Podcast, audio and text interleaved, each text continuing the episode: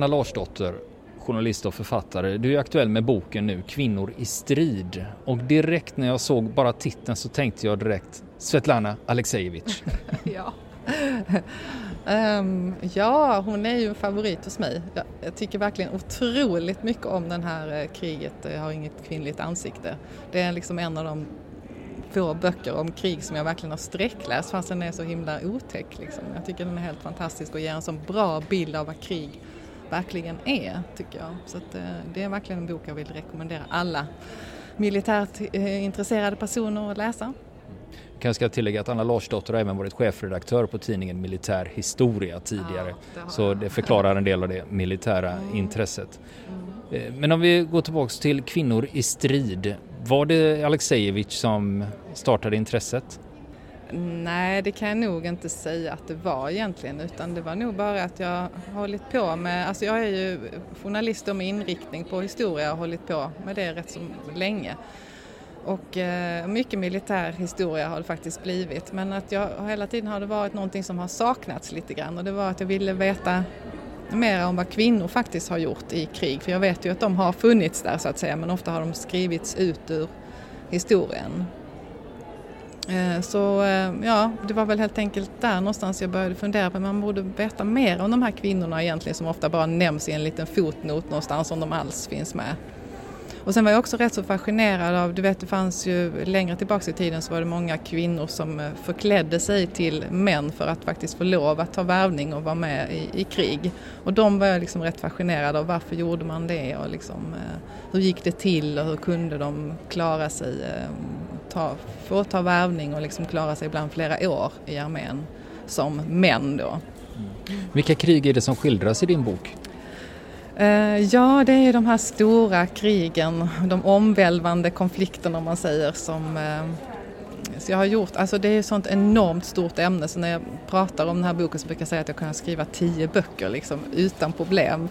Men jag har fått liksom göra liksom små punktnedslag från eh, 1600-talet och fram till andra delen av 1900-talet. Så det är de stora kända konflikterna som jag, som jag liksom tittar lite grann på eh, ur ett kvinnoperspektiv då. Och, eh, ja, det, på det viset så är det en väldigt traditionell bok så att säga. Så det är liksom 30-åriga kriget och sen så tittar jag på Eh, de revolutionerna under eh, 1700-talet, amerikanska revolutionen och franska revolutionen, revolutionskrigen och sen Krimkriget och sen är det då världskrigen naturligtvis och Vietnamkriget. Så att det är inga konstigheter liksom, väldigt så här, eh, ja, västerländskt perspektiv också får man säga vilket jag, jag hade velat bre ut mig mer där och liksom, det finns så många aspekter och det finns så många kvinnor och konflikter att skildra men jag har fått begränsa mig. Så att jag, förhoppningsvis kan jag ta upp tråden igen kanske och skriva något mer.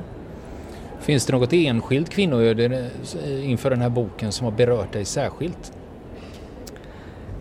Det är nog flera stycken, alltså en del för att de var liksom helt crazy faktiskt.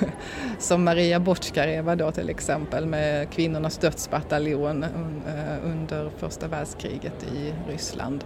Men eh, ja, sen så tycker jag lite grann har det varit också att jag vill föra fram liksom kollektivet kvinnor på något sätt. Att jag vill eh, titta på till exempel sjukvårdare vill jag faktiskt se nästan, man kanske inte kan kalla dem kombatanter eller stridande men ändå deras upplevelse ligger lite grann ändå i linje med det vad en soldat så att säga har upplevt i, i krig. Och där tycker jag Vietnamkriget, där finns det några kvinnor, till exempel den här Linda van de Vanter som du kanske känner till. Hon skrev en, en bok som blev lite banbrytande för att man skulle få upp ögonen för att det även har varit med kvinnor i eh, Vietnamkriget som sjukvårdare och så vidare. Hon berättar så väldigt osminkat om hur det gick till på militärsjukhusen och eh, just hur man stod och tog emot eh, helikopterlast efter helikopterlast av sönderskjutna, företrädesvis väldigt unga män eller pojkar och att det blev en väldigt så här, fysisk upplevelse av eh, kriget och, och, och, döden på något sätt som jag tycker påminner ganska mycket om soldatens upplevelse, tror jag i alla fall. Det är liksom lite grann den tesen jag har. Och hennes öde berörde mig väldigt mycket.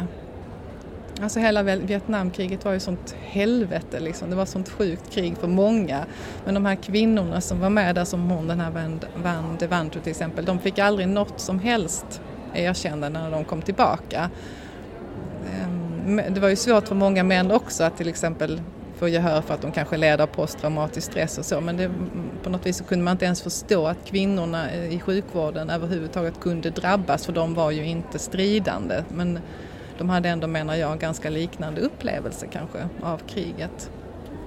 Tror du ändå att det är på gång att man börjar uppmärksamma kvinnor i krig mer? Jag tänker på förra året kom det en rysk film som heter Batalon som handlar om en eh, kvinnlig infanteribataljon under första världskriget och sen mm. på tv nu i somras så gick ju serien De blodröda fälten som ja. handlar om eh, sjuksköterskor ja, under första det, världskriget. Precis, ja. Tror du att det mm. är läge för att lyfta locket på, mm. på kvinnors Men deltagande i krig. Men handlar inte den där som du nämnde först, handlar inte den om Maria Botjkareva? Jo, ja, exakt. Precis, jag har läst om den men jag har inte sett, har du sett den eller? Ja, jag har sett den och mm. det kommer att komma en recension i fronten ja, men också. Gud vad intressant, ja, för jag blev så fascinerad av den och jag tänkte liksom att kan det bli så nu att hon lyfts upp som en idol nästan lite grann här? Lite crazy kvinnan Botjkareva då i Putins Ryssland på någon slags förrevolutionär ikon på något vis. Jag vet inte, alltså ja, men det kan vi kanske prata om någon annan gång. Ja, men du eh. tänker att hon kan bli, eh, användas politiskt? Ja, alltså jag tänker det liksom. Att, eh, var inte den filmen lite grann sådär att den visade henne som en hjältinna och också de ryska soldaterna inte alls som några desertörer och så utan några så hjältar som stod upp mot tyskarna eller hur var det? Ja, det är ganska blandade personporträtt i den ja, så okay. det är svårt att liksom generalisera att de mm. skildras på det viset, de skildras på det ja. viset utan ofta går det ner på individnivå okay. på de olika individerna, både män och kvinnor. Mm. Så från den horisonten så är den ju eh, välgjord. Ja, okay. Men eh, det kommer att komma en recension så småningom. Ja, det ska bli jättespännande att höra. Eh, men vad var nu frågan? Nej, men det handlar om det kommer ett uppsving nu för att lyfta fram kvinnorna från mm. slagfälten. Jo men det tror jag absolut. Alltså, vi ser ju att det är ett väldigt intresse för kvinnohistoria nu eller genushistoria överhuvudtaget så det är klart att det kommer att handla om den militära delen också, det är jag helt övertygad om. Och sen så är det ju så nu att i många försvarsmakter runt om i världen så tas ju kvinnor in nu på alla olika stridande positioner. Så att också där kommer det ju naturligtvis ett intresse att, eh, att vi faktiskt ser kvinnliga soldater på alla eh, inom alla områden i krigsmakterna och då blir det ett intresse också att titta tillbaka hur det sett ut tidigare tror jag. Och även här i Sverige så lyfts ju den här frågan för nu eh, har man börjat diskutera om eventuellt återinföra värnplikten mm. och då är ju den här frågan, men hur gör vi med kvinnorna? Mm. Ja, men det är ju en icke-fråga idag. För att vill man vara en modern nation så är det självklart att också kvinnor måste vara med i Försvarsmakten. Det, är liksom, eh, det finns ju ingenting att diskutera där. Tror jag inte i alla fall. Jag tycker nog inte det själv heller utan det är väl att man ska ha bästa person på varje, på, på, på den position som den passar bäst så att säga. Men eh, även de flesta, jag menar Sverige vill ju kalla sig ett feministiskt land och då måste man givetvis ha med kvinnor i Försvarsmakten också.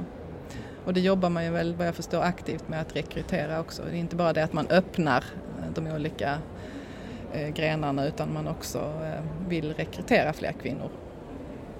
Om vi tittar på, om vi går tillbaks till din bok igen mm. och eh, jag funderar kring eh, historiskt sett så har ju krigshistorien skrivits av män och mm. de har mm. skrivit om män. Mm. Var det något som ställde till dig i researchen för dig att kanske kvinnornas historia är inte berättad? Mm. Jo men så är det ju mycket att det är ofta man får läsa sig till kvinnors öden genom mäns berättelser. Så är det faktiskt ganska mycket.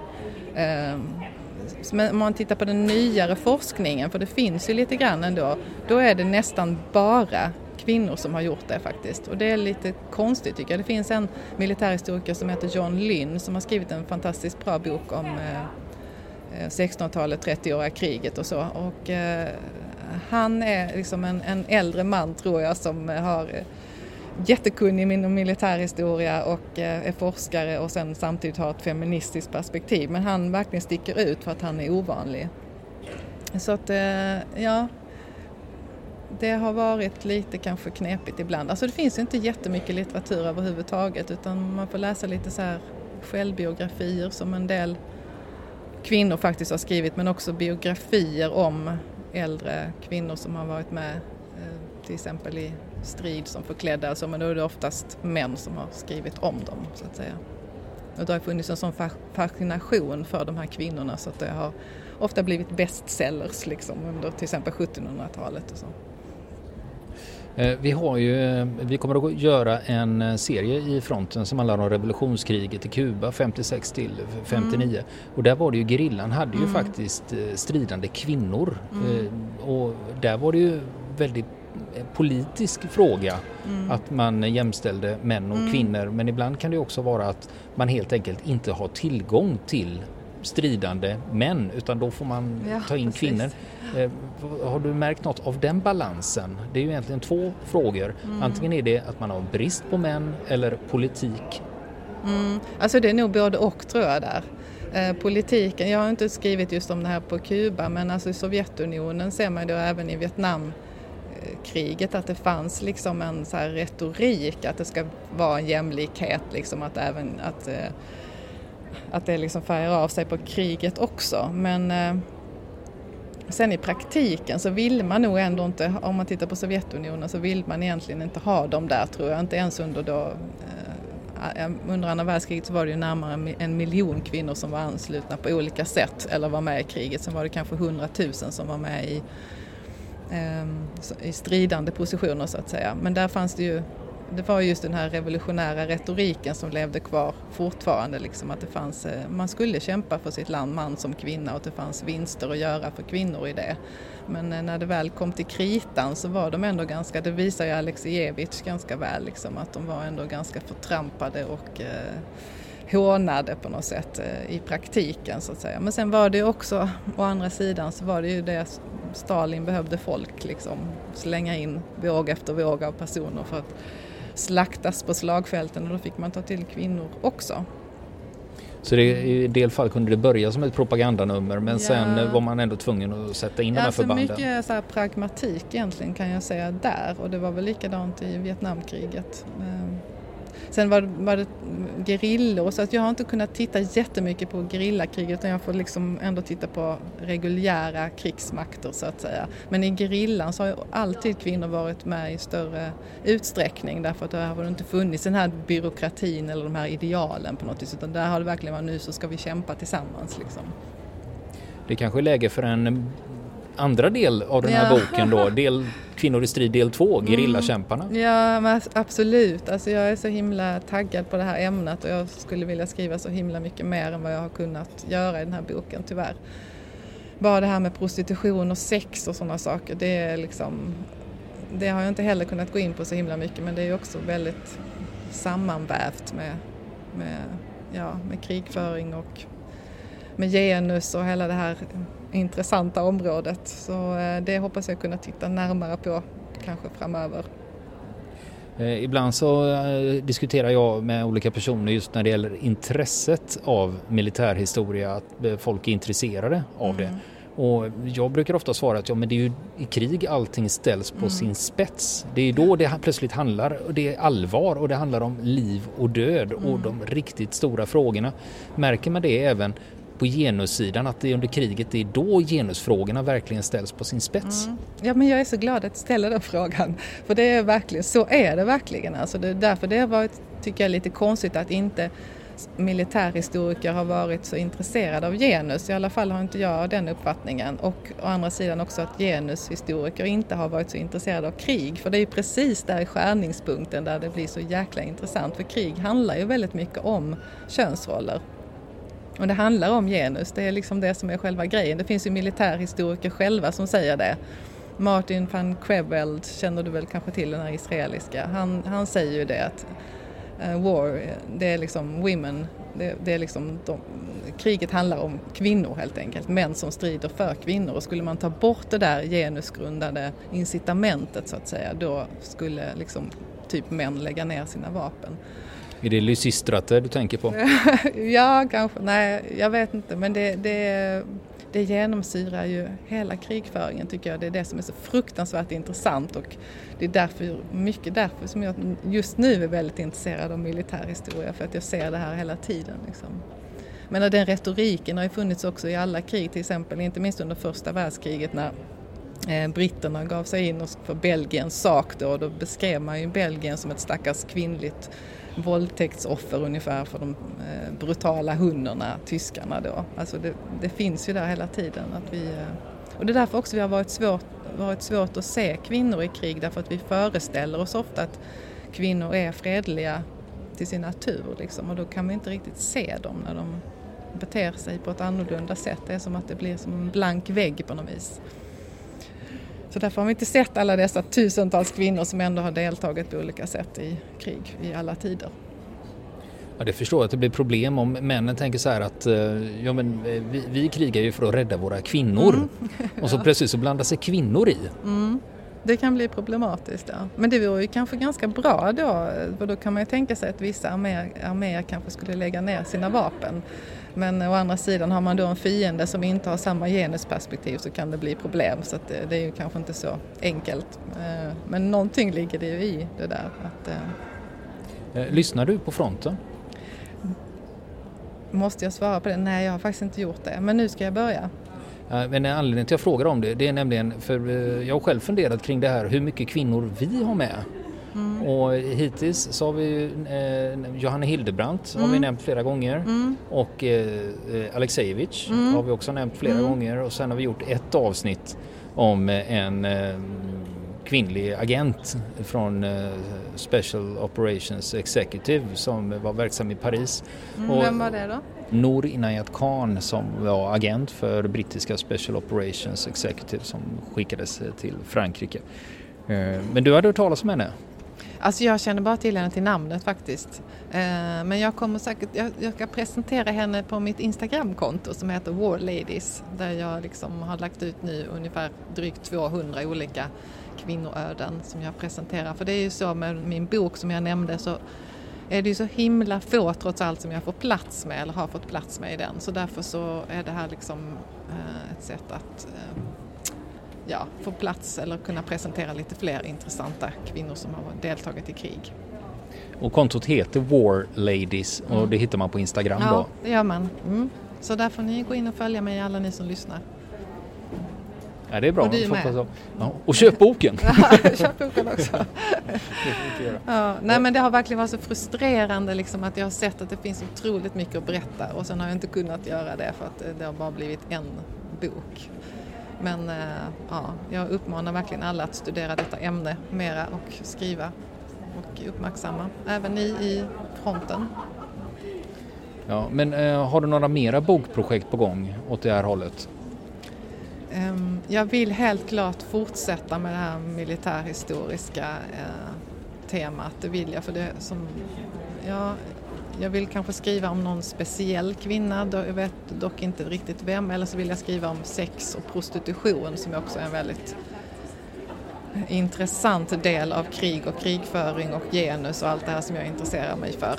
Och det har jag inte kunnat gå in så mycket på i boken tyvärr. Men eh, eh man stöter ju på det hela tiden och även om det är ganska, fortfarande ganska nedtystat till exempel. Eh, ja, men det, vi kan ju se bilder från allierade soldater i Italien till exempel som väntar vid mobi, eh, så mobila bordeller och eh, det finns också statistik på hur många liksom, samlag varje amerikansk soldat hade när de gick i land där och sådana saker. Så det, det finns eh, jättemycket intressanta grejer. Och, Men jag tror ju alltså en bok om sex och krig, det måste ju bli en storsäljare. Ja visst, det kan inte bli bättre, eller hur?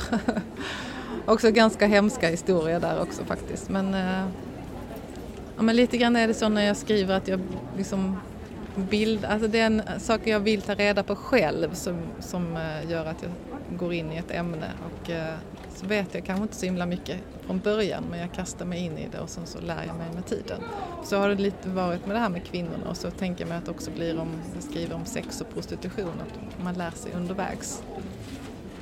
Ja, men är, är det det att det har varit ett eh, moraliskt eh, tveksamt ämne tidigare inom både forskning och litteratur? Att man har, man har inte tittat så noga på det området? Alltså jag tror också att det har lite grann samma sak att det har med kvinnor främst att göra. Sen har ju män också både varit prostituerade och utsatta för, för prostitution så att säga. Men att just kvinnor har ofta utrangerats ur den officiella bilden av kriget och eh, därmed har också det här eh, sexgrejen utrangerats. Plus naturligtvis att det är sånt som vi inte gärna pratar om. Vi pratar gärna om hjältarna och, och den sidan. Och, men eh, ja, det är lite fult. Nu när du sitter här och faktiskt kan ställa frågan. Eh, för jag har fått för mig när folk lever på gränsen till när man inte vet om man ska leva eller dö. Mm. Eh, vilken minut som helst mm. kan vara den sista. Har folk mer sex då? Jag tror det faktiskt. Jag fick den känslan när jag läst just om Vietnamkriget att det, det var ju ganska upprörda känslor när den här just Linda van Deventer, när hon publicerade sin bok för att hon skrev just om det här sexet och fyllan och knarket och så vidare som, de, som fick de här kvinnorna och männen att ta sig igenom vardagen på något sätt. Eh, det blev ju väldigt eh, upprörda känslor då men eh, hon var ganska tydlig med det att just precis som du säger att man visste inte om man skulle överleva dagen eller natten. Och eh, det gällde att klänga sig fast vid eh, livet på något sätt. Och sex är ju också liv. Så att det, jag tror att det att man kommer också varandra nära på ett sätt som man inte gör i den vardagliga fredliga världen som gör att man kanske tar det här steget lättare. Och även de som var gifta och hade liksom partners hemma. Träffade kanske nya för en, en tid i, i Vietnam. Och det var ju som i en annan värld på något vis, en egen ficka i tiden de befann sig i. Sen pratade jag faktiskt när jag pratade om den här boken för ett tag sedan med en ambulanssjuksköterska som också sa att, eh, att hon kunde känna igen det här liksom känslan av att när, när allting handlar om liv och död så kommer man också väldigt nära livet på något sätt och att eh, det kan också vara en, en kick på något vis samtidigt som det är fruktansvärt där om man lyckas rädda liv eller när man står inför den här tunna linjen mellan liv och död. Att det är ett väldigt, väldigt speciellt eh, tillstånd att befinna sig i som jag tror eh, kanske liknar också soldatens som eh, är eh, ute i, vid fronten. Jag vet inte. Att man känner sig mer levande i dödens närhet? Ja, lite så. Precis. Det var väl en bra sammanfattning. För Anthony Beaver tangerar det här området i sin bok om slaget om Berlin. Där han säger då att många berlinskor passade på då och blev av med oskulden innan ryssarna tågade in i staden för då visste man vad som väntade. Oh, Gud, ja det är fruktansvärt. Ja. ja, jag vet faktiskt inte men det kan säkert stämma. Ja, vi kan ju kanske säga någonting om de här kvinnorna som förklädde sig som män eftersom det var det som var min ingång till hela intresset lite grann. Eh, för de har ju varit ändå, de har inte varit många men de har varit, eh, de finns i nästan alla krig ända fram till eh, slutet av, eller andra delen av 1800-talet i alla fall. Till exempel i amerikanska inbördeskriget så stöter man på dem. Och i Napoleonkrigen så finns det också vittnesmål från till exempel officerare som har sett eh, döda kvinnliga soldater ligga på slagfältet, till exempel efter Waterloo. Och de är, jag tycker de är fascinerande därför att de, eh, de visar på, eh, inte minst på att många kvinnor kanske hade en frihetstörst lite grann som också påminner om männens till exempel under 1600-talet, de många knäktarna som tog värvning då för att få sin försörjning men också kanske ibland bara för att komma ifrån en jobbig hemmamiljö eller kanske någon, man kanske hade något brottsligt förflutet eller någon familjefejd eller vad som helst. Ehm, att det fanns också sådana incitament hos kvinnor så att säga, men för att de skulle få lov att gå ut i kriget så var de tvungna att liksom, ta på sig manskläder eftersom det var inte accepterat att vara soldat som kvinna då. Det som jag har stött på liksom på alla håll och kanter i alla tider det är mycket det här med eh, att krig har kunnat innebära en frihet för kvinnor att komma ur den här traditionella kvinnorollen och det eh, tycker jag var väldigt intressant liksom och eh, var inte riktigt beredd på att jag skulle stöta på det så genom historien så att säga. Mm. Eh, var det någonting man flydde ifrån eller var det någonting man gick till? Ja, men det var nog både och. Men jag tycker eh, man kan se det på, inte minst i första världskriget så var det många av mm, eh, överklass och medelklasskvinnor som såg kriget som ett sätt att få komma, ur, komma hemifrån och lämna eh, hushållssfären, att få vara utomhus, liksom att få ha på sig byxor, att få röka, och få ta ett glas raki till exempel så här, utan att någon tyckte någonting. Så att det, det var ju eh, både en flykt från en väldigt kringskuren kvinnoroll men också eh, en flykt till någonting där man liksom kunde uppleva en annan sorts frihet. Där ingen hemma från stan eller kvarteret eller familjen fanns med utan man kunde börja om på nytt lite grann mm i tv-serien De blodröda fälten mm. som handlar om sjuksköterskor under mm. första världskriget. Där nämner man ibland att man vill visa sin familj där hemma att man faktiskt kan klara av något. Mm. Det tror jag också, att ta ansvar för sitt eget liv och sin egen situation. Det, det var ju inte riktigt kvinnor betrodda med på den tiden. Och det var ju involverat med hela den här rösträttsfrågan också så att säga, att man ville bevisa på något vis att man ja, att man var värdig ett medborgarskap. För det har ju också varit lite grann att det har hängt ihop med krig, eh, ja, att kunna att bära vapen och att få rösträtt så att säga.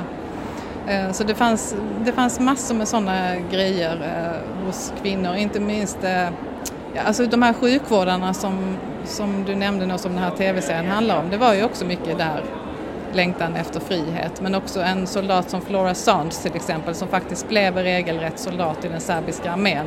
För henne var det också den här frihetsaspekten som var väldigt viktig. Att hon, eh, hon avskydde alla de här eh, hushållsgrejerna och gå på visiter och ha fin klänning på sig. Hon ville liksom ut och rida och, och hade mer av den sidan i sig. Så i och med att hon kunde faktiskt genomföra det och bli soldat så fick hon ett liv som passade henne mycket bättre. Och det är ju, det är ju så det kan bli om man liksom kan spränga könsrollsgränser, genusgränser lite grann. Att man kan hamna lite mer där, man, där det är tänkt att man ska vara. Så var det för henne. Och vi har fått ett exemplar av Anna Larsdotters bok Kvinnor i strid som vi tänkte lotta ut bland våra lyssnare. Är du intresserad av att delta i utlottningen? Då mejlar du till oss på frontenpodcast@gmail.com. Skriv Anna Larsdotter i ämnesraden och sen skriver du din namn och postadress i själva meddelandet. Vi vill gärna ha era mejl innan den 12 november för det är då vi drar en vinnare. Vill ni komma i kontakt med oss så kan ni göra det via vår Facebook-sida som heter Fronten. Det är inga problem för er att leta er fram där. Eller också så mejlar ni på vår mejladress och det är frontenpodcast.gmail.com.